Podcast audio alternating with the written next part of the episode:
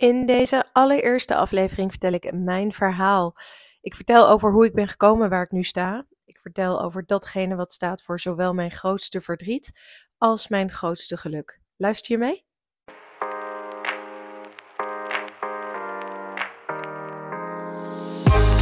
Wat leuk dat je luistert naar de podcast Het Gouden Ei. Mijn naam is Femke Schipperheijn. Deze podcast is voor iedereen die bezig is met een kinderwens waarbij het niet vanzelf gaat.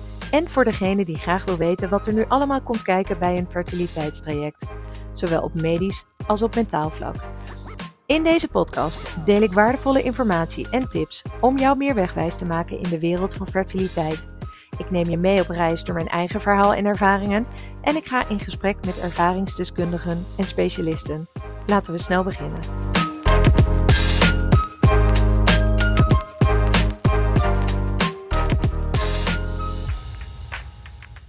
Welkom bij de allereerste aflevering van mijn podcast Het Gouden Ei. De podcast waar je meer leert over fertiliteitsproblemen en de bijbehorende trajecten. En ik heb er ongelooflijk veel zin in, want ik heb zoveel ideeën voor deze podcast.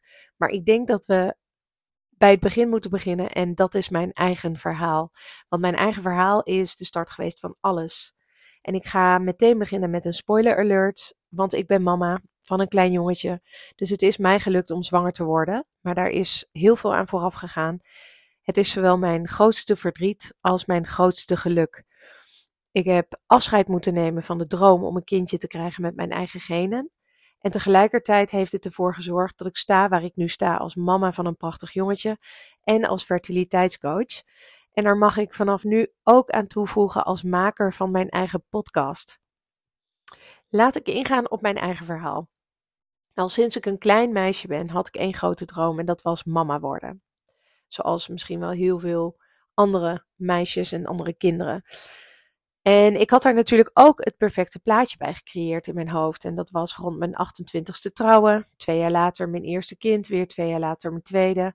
Nou, ik werd 28 en ik had die leuke man waar ik een gezin mee wilde stichten nog niet ontmoet. De jaren gingen voorbij. Daarmee stelde ik mijn droom, of mijn, de vorm in ieder geval van mijn perfecte plaatje van mijn droom, stelde ik bij. En rond mijn veertigste ging ik met mijn toenmalige relatie naar het ziekenhuis voor mijn kinderwens. Ik heb toen gezegd: ik wil niet langer wachten. Um, we gaan nu naar het ziekenhuis. En dit is waar het begon. Die eerste afspraak in het ziekenhuis gaat dan met name om om de anamnese en het inwendig onderzoek. En bij een anamnese worden alle vragen gesteld die een arts nodig heeft om een goed beeld te vormen over de medische situatie. Dus er kwamen vragen voorbij over mijn ouders, over de gezinssamenstelling, dus in wat voor gezin ik ben opgegroeid, over leefstijl en medicijngebruik, maar ook natuurlijk vragen over mijn menstruele cyclus, of ik al eerder zwanger was geweest, of ik miskramen had gehad, of ik ooit een abortus had laten plegen en natuurlijk ook of ik ooit ziek ben geweest. En dan hebben we het over niet over een griepje, maar over de ernstigere ziektes. Het inwendig onderzoek werd gedaan om te kijken of er al bijzonderheden waren aan mijn, te zien waren aan mijn eierstokken, eileiders en baarmoeder. En daarnaast heb ik toen ook bloed moeten laten prikken. En dat was omdat mijn cyclus al niet helemaal regelmatig meer was. En ze wilden daarmee uitzoeken, um, door mijn FSH, estradiol en AMH te prikken, wilden ze uitzoeken of er hormonale afwijkingen waren. Na deze eerste afspraak zou ik mij 21 dagen later weer moeten melden bij de start van een, nieuwe, van een nieuwe cyclus. Dus die afspraak was ook al gemaakt, maar die heb ik moeten verzetten, aangezien mijn menstruatie niet op gang kwam. Nieuwe afspraak ingepland, weer 21 dagen later. En ook die afspraak heb ik moeten verzetten omdat de menstruatie uitbleef. En toen ik na meer dan 60 dagen nog altijd niet menstrueerde, begon ik mij natuurlijk zorgen te maken. En heb ik ook het ziekenhuis gebeld om dit aan te geven. Van, nou ja, ik moet die afspraak verzetten, maar het duurt nu al 60 dagen. Wat gaan we daarmee doen? Wat is dit? De verpleegkundige heeft met de arts overlegd en ik kreeg te horen dat ik naar het ziekenhuis moest komen. En ik dacht, dit gaat enkel om verder overleg, om te kijken van nou, wat gaan we nu, wat gaan we nu nog meer doen of wat, wat, welke kant gaan we nu op. Dus ik ben alleen gegaan. Ik heb op geen enkel moment stilgestaan bij een slecht nieuwsgesprek. En al helemaal niet het gesprek dat ik op dat moment in dat ziekenhuis uiteindelijk zou krijgen. Ik kan me nog heel goed herinneren dat ik een half uur heb zitten wachten en dat ik op een gegeven moment op het punt heb gestaan om die afspraak te verzetten. Dus ik was al naar de balie gelopen, omdat ik dacht, nou ja, volgens mij zijn ze mij vergeten, is er iets niet goed gegaan, maar ik wil nu naar huis. En toen kwam de artsassistent aangelopen en ik mocht mee naar binnen met haar. En in die kamer kreeg ik een sloopkogel recht in mijn gezicht. Want zonder inleiding vertelden ze mij dat ze geconstateerd hadden dat ik POI heb, oftewel, ik zat in de vervroegde overgang. En ze vertelden mij ook meteen erachteraan dat ze er niks meer mee, dat ze niks meer konden doen met mijn eigen eicellen. Nou, dat was niet alleen slikken, dat was met name tranen laten lopen, tranen wegslikken, proberen even een stukje rust weer te pakken. Want ik, wat ik al zei, ik had alles verwacht behalve dit. Tussen mijn tranen door heb ik haar gevraagd wat de mogelijkheden dan nog waren. Zij vertelde mij over eiceldonatie en ik had daar nog nooit eerder over gehoord. Maar ik pakte natuurlijk die opmerking, pakte ik in mijn hoofd met beide handen vast en zo ben ik naar huis gegaan. En eenmaal thuis heb ik het allemaal even laten bezinken, voor zover dat überhaupt lukt. Um, toen heb ik daarna heb ik een gesprek aangevraagd met de arts in plaats van met de artsassistent. En toen ik het ziekenhuis belde, kreeg ik van de verpleegkundige aan de lijn de tip om een afspraak te maken met professor Lambalk. Want, zoals zij vertelde, dat zou de beste zijn op het gebied van fertiliteit en voortplantingsgeneeskunde. En dit was in het VUMC in Amsterdam. Dus die afspraak heb ik gemaakt. Hij bevestigde mij tijdens die afspraak die ik uiteindelijk had, dat ik inderdaad in de vervroegde overgang terecht was gekomen en dat er niks meer gedaan werd met mijn eigen eicellen. Hij zei letterlijk: met je eigen eicellen is het zoeken naar het gouden ei. Met andere woorden, dat heeft bijna geen kans meer. En wij gaan er hier niet meer aan beginnen om nog iets te doen met jouw eigen eicellen. En hij verwees mij door naar de fertiliteitskliniek in Brabant, Nijgeertgen. Na deze afspraak is het voor mijn gevoel allemaal best wel snel gegaan. Um, de oerdrang om mama te worden was nog heviger dan ooit aangewakkerd. En de relatie waar ik op dat moment in zat, was, op, was echt stabiel. En deze drang zorgde ervoor dat ik koos voor iets waarvan ik altijd riep nooit te willen doen. En dat is alleen voor het moederschap gaan. Dus ik verbrak mijn relatie en heb besloten alleen voor mijn kinderwens te gaan. Want voor mijn gevoel was het inmiddels niet meer vijf voor twaalf, maar het was vijf over twaalf. En ik wilde gewoon niet langer meer wachten. En dat betekende dus dat ik aan het begin stond van een traject om door middel van dubbele donatie proberen zwanger te worden. En ik leerde al heel snel dat er een groot tekort is aan eiceldonoren in Nederland. Wat betekende dat ik onder andere bij het UMC in Utrecht sowieso niet werd toegelaten als alleenstaande wensmama. En bij andere klinieken zoals Nijgeertgen, waar ik naar doorverwezen was, en MCK in Leiden-Dorp, daar moest ik mijn eigen eiceldonor meenemen. Nou, je kan niet zomaar eiceldonor worden. Daar zijn hele strikte regels voor. Je moet bijvoorbeeld jonger zijn dan 35. Je mag zelf geen kinderwens meer hebben of nooit hebben gehad. En daarnaast onderga je natuurlijk ook nog van tevoren allerlei medische en psychologische onderzoeken, omdat ze moeten vaststellen dat je daadwerkelijk geschikt bent om te doneren. Dat maakt het allemaal extra gecompliceerd, waardoor het allemaal daardoor extra lastig is om iemand in je omgeving te vinden die hieraan voldoet. Er was één vriendin van mij die aangaf serieus te willen overwegen om mij te helpen hiermee. Dit wilde ze ook met haar partner bespreken, mocht het nodig zijn. En het is nooit zo ver gekomen, maar het feit dat zij dit aanbood, vond ik al echt ongelooflijk bijzonder. En ik vond het zelf het idee om een donor vanuit mijn eigen, vanuit mijn eigen omgeving um, te krijgen, of te vinden, in mijn eigen omgeving te vinden, vond ik ook best wel een lastige. Bij mij was het sowieso, nou ja, ga maar iemand vinden die jonger is dan 35, die niet meer die kinderwens heeft. Dus in mijn omgeving, los van die vriendin die dat aangaf te willen overwegen, was er verder niemand die daarvoor in aanmerking kwam. Het lijkt me super bijzonder als je een zus hebt die daarvoor in aanmerking zou komen en waar je dan de eicel gedoneerd van krijgt. Want er is niks natuurlijk dat dichter bij jezelf komt dan een eicel van je zus. Ik heb een zus, alleen die is twee jaar ouder en die kwam toen sowieso al niet meer in aanmerking daarvoor. Dus die heb ik ook nooit hoeven vragen daarvoor. Maar verder, vriendinnen en dergelijke, leek mij best wel een lastig idee om het, nou ja, dan vanuit, om een donor te vinden in je eigen omgeving. Goed, niet aan de orde bij mij. Ik ben de grens over gaan kijken, omdat ik ook niet langer wilde wachten. Ik wilde niet op die wachtlijst komen te staan in Nederland. En dat zou wel gebeuren. Dus ik ben online, online op zoek gegaan naar andere mogelijkheden in België. En ik kwam erachter dat uh, de situatie in België eigenlijk niet zoveel anders is dan, dan in Nederland. Los van dat donatie in België anoniem is. En in Nederland is het bij wet bepaald bekend. Maar goed, ik kwam dus in Nederland of in België kwam ik dus ook niet veel verder dan in Nederland. En dat betekende dat ik nog verder de grens over ging kijken. En hier ben ik wederom heel intuïtief te werk gegaan.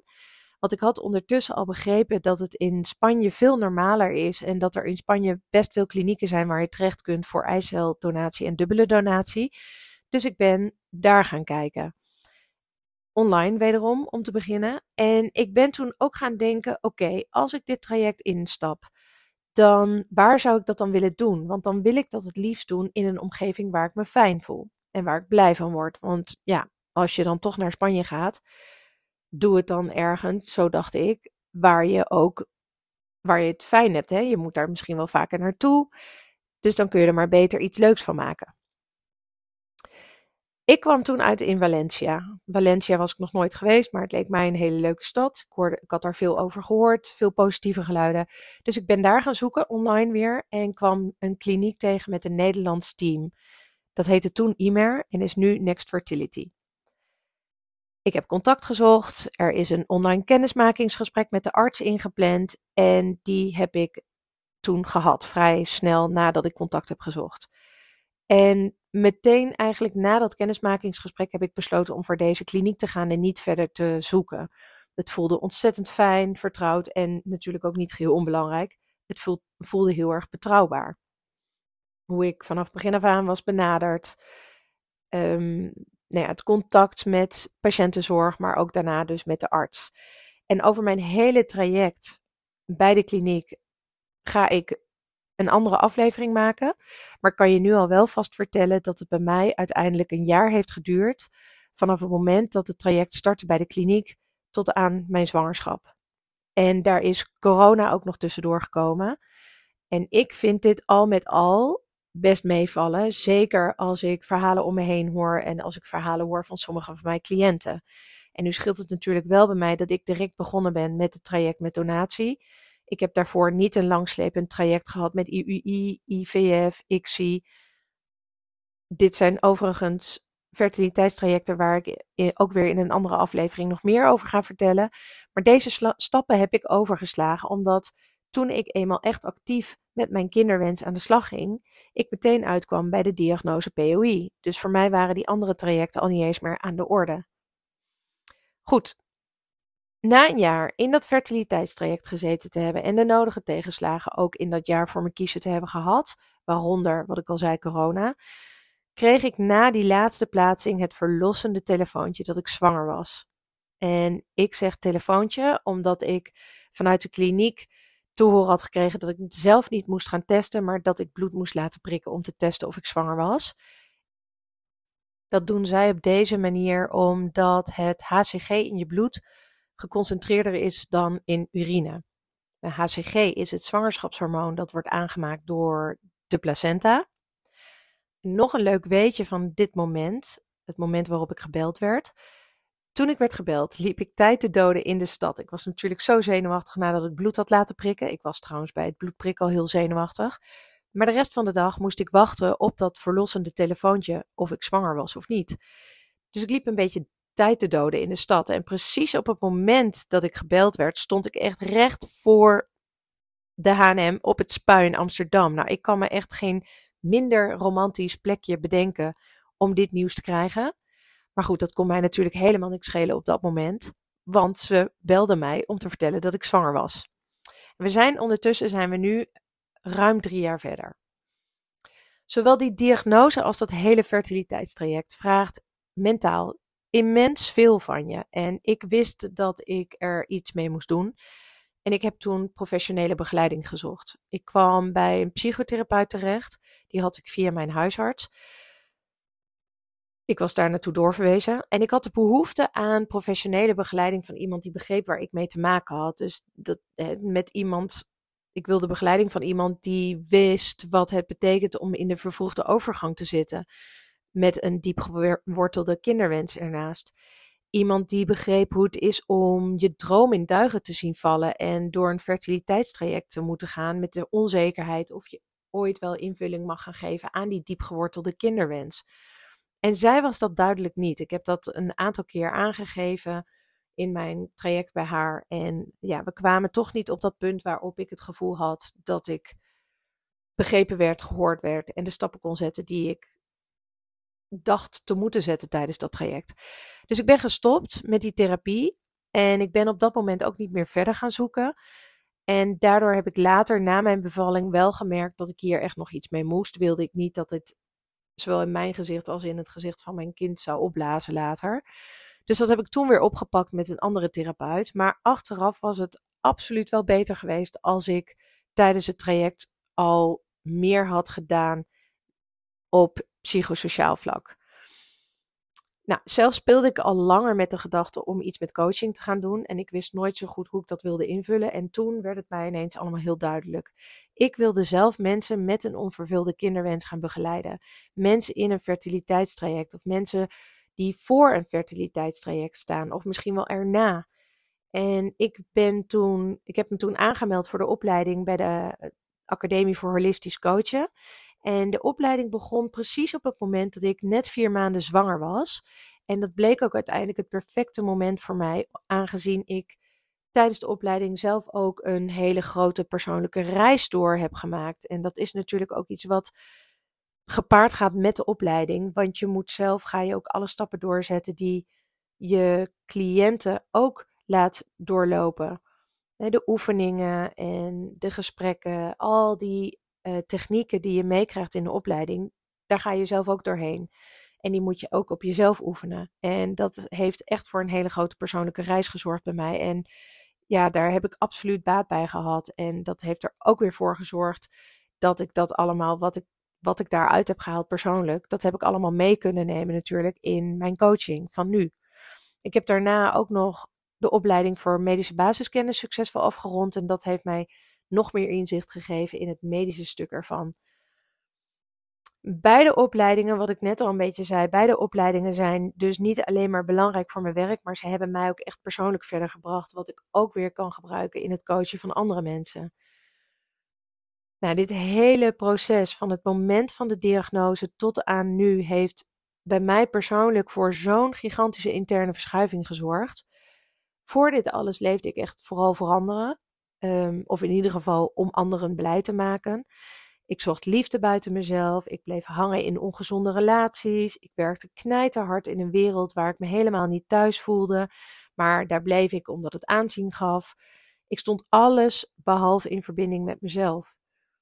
En daardoor leefde ik ook absoluut niet het leven dat ik wilde leiden. Of ja, wat, dat ik wilde leven. En ik denk dat ik op dat moment mij er niet eens goed bewust van was wat ik nu precies wilde. Toen ik de diagnose kreeg, toen kon ik gewoon niet anders meer dan naar mijn intuïtie luisteren. Het was alsof het tegen mij zei: het is nu of nooit. Ik ben vanaf dat moment gaan leven naar mijn gevoel. Ik ben gaan luisteren naar wat ik zelf wil en naar waar ik blij van word. En dat is natuurlijk niet van de ene op de andere dag veranderd. Dat is een mega proces en daar zit ik in principe nog steeds in, want daar blijf je volgens mij de rest van je leven in zitten. Maar ik ben wel veel bewuster gaan leven. Ik ben incheckmomenten voor mezelf gaan inbouwen. Het is echt een enorme wake-up call geweest voor mij. Aan het begin vertelde ik dat de diagnose POI niet alleen maar mijn grootste verdriet was, maar ook mijn grootste geluk. Nou, ik hoef natuurlijk niet te vertellen hoe intens gelukkig ik ben dat ik mama heb mogen worden van mijn eigen zoontje. Want zonder die diagnose was hij er nooit geweest. Maar daarnaast ben ik ook ongelooflijk dankbaar dat ik al die mooie vrouwen en stellen die in mijn praktijk komen mag begeleiden. Dit is echt by far het allermooiste werk dat ik ooit heb gedaan. En dat breng ik met deze podcast graag nog een stukje verder. Want ik hoop dat ik met deze podcast heel veel mensen kan informeren en kan inspireren met alles wat voorbij gaat komen in de komende afleveringen. Dit was hem, mijn allereerste aflevering. De kop is eraf. Bedankt voor het luisteren. Tot de volgende aflevering waarin ik verder zal gaan op mijn fertiliteitstraject.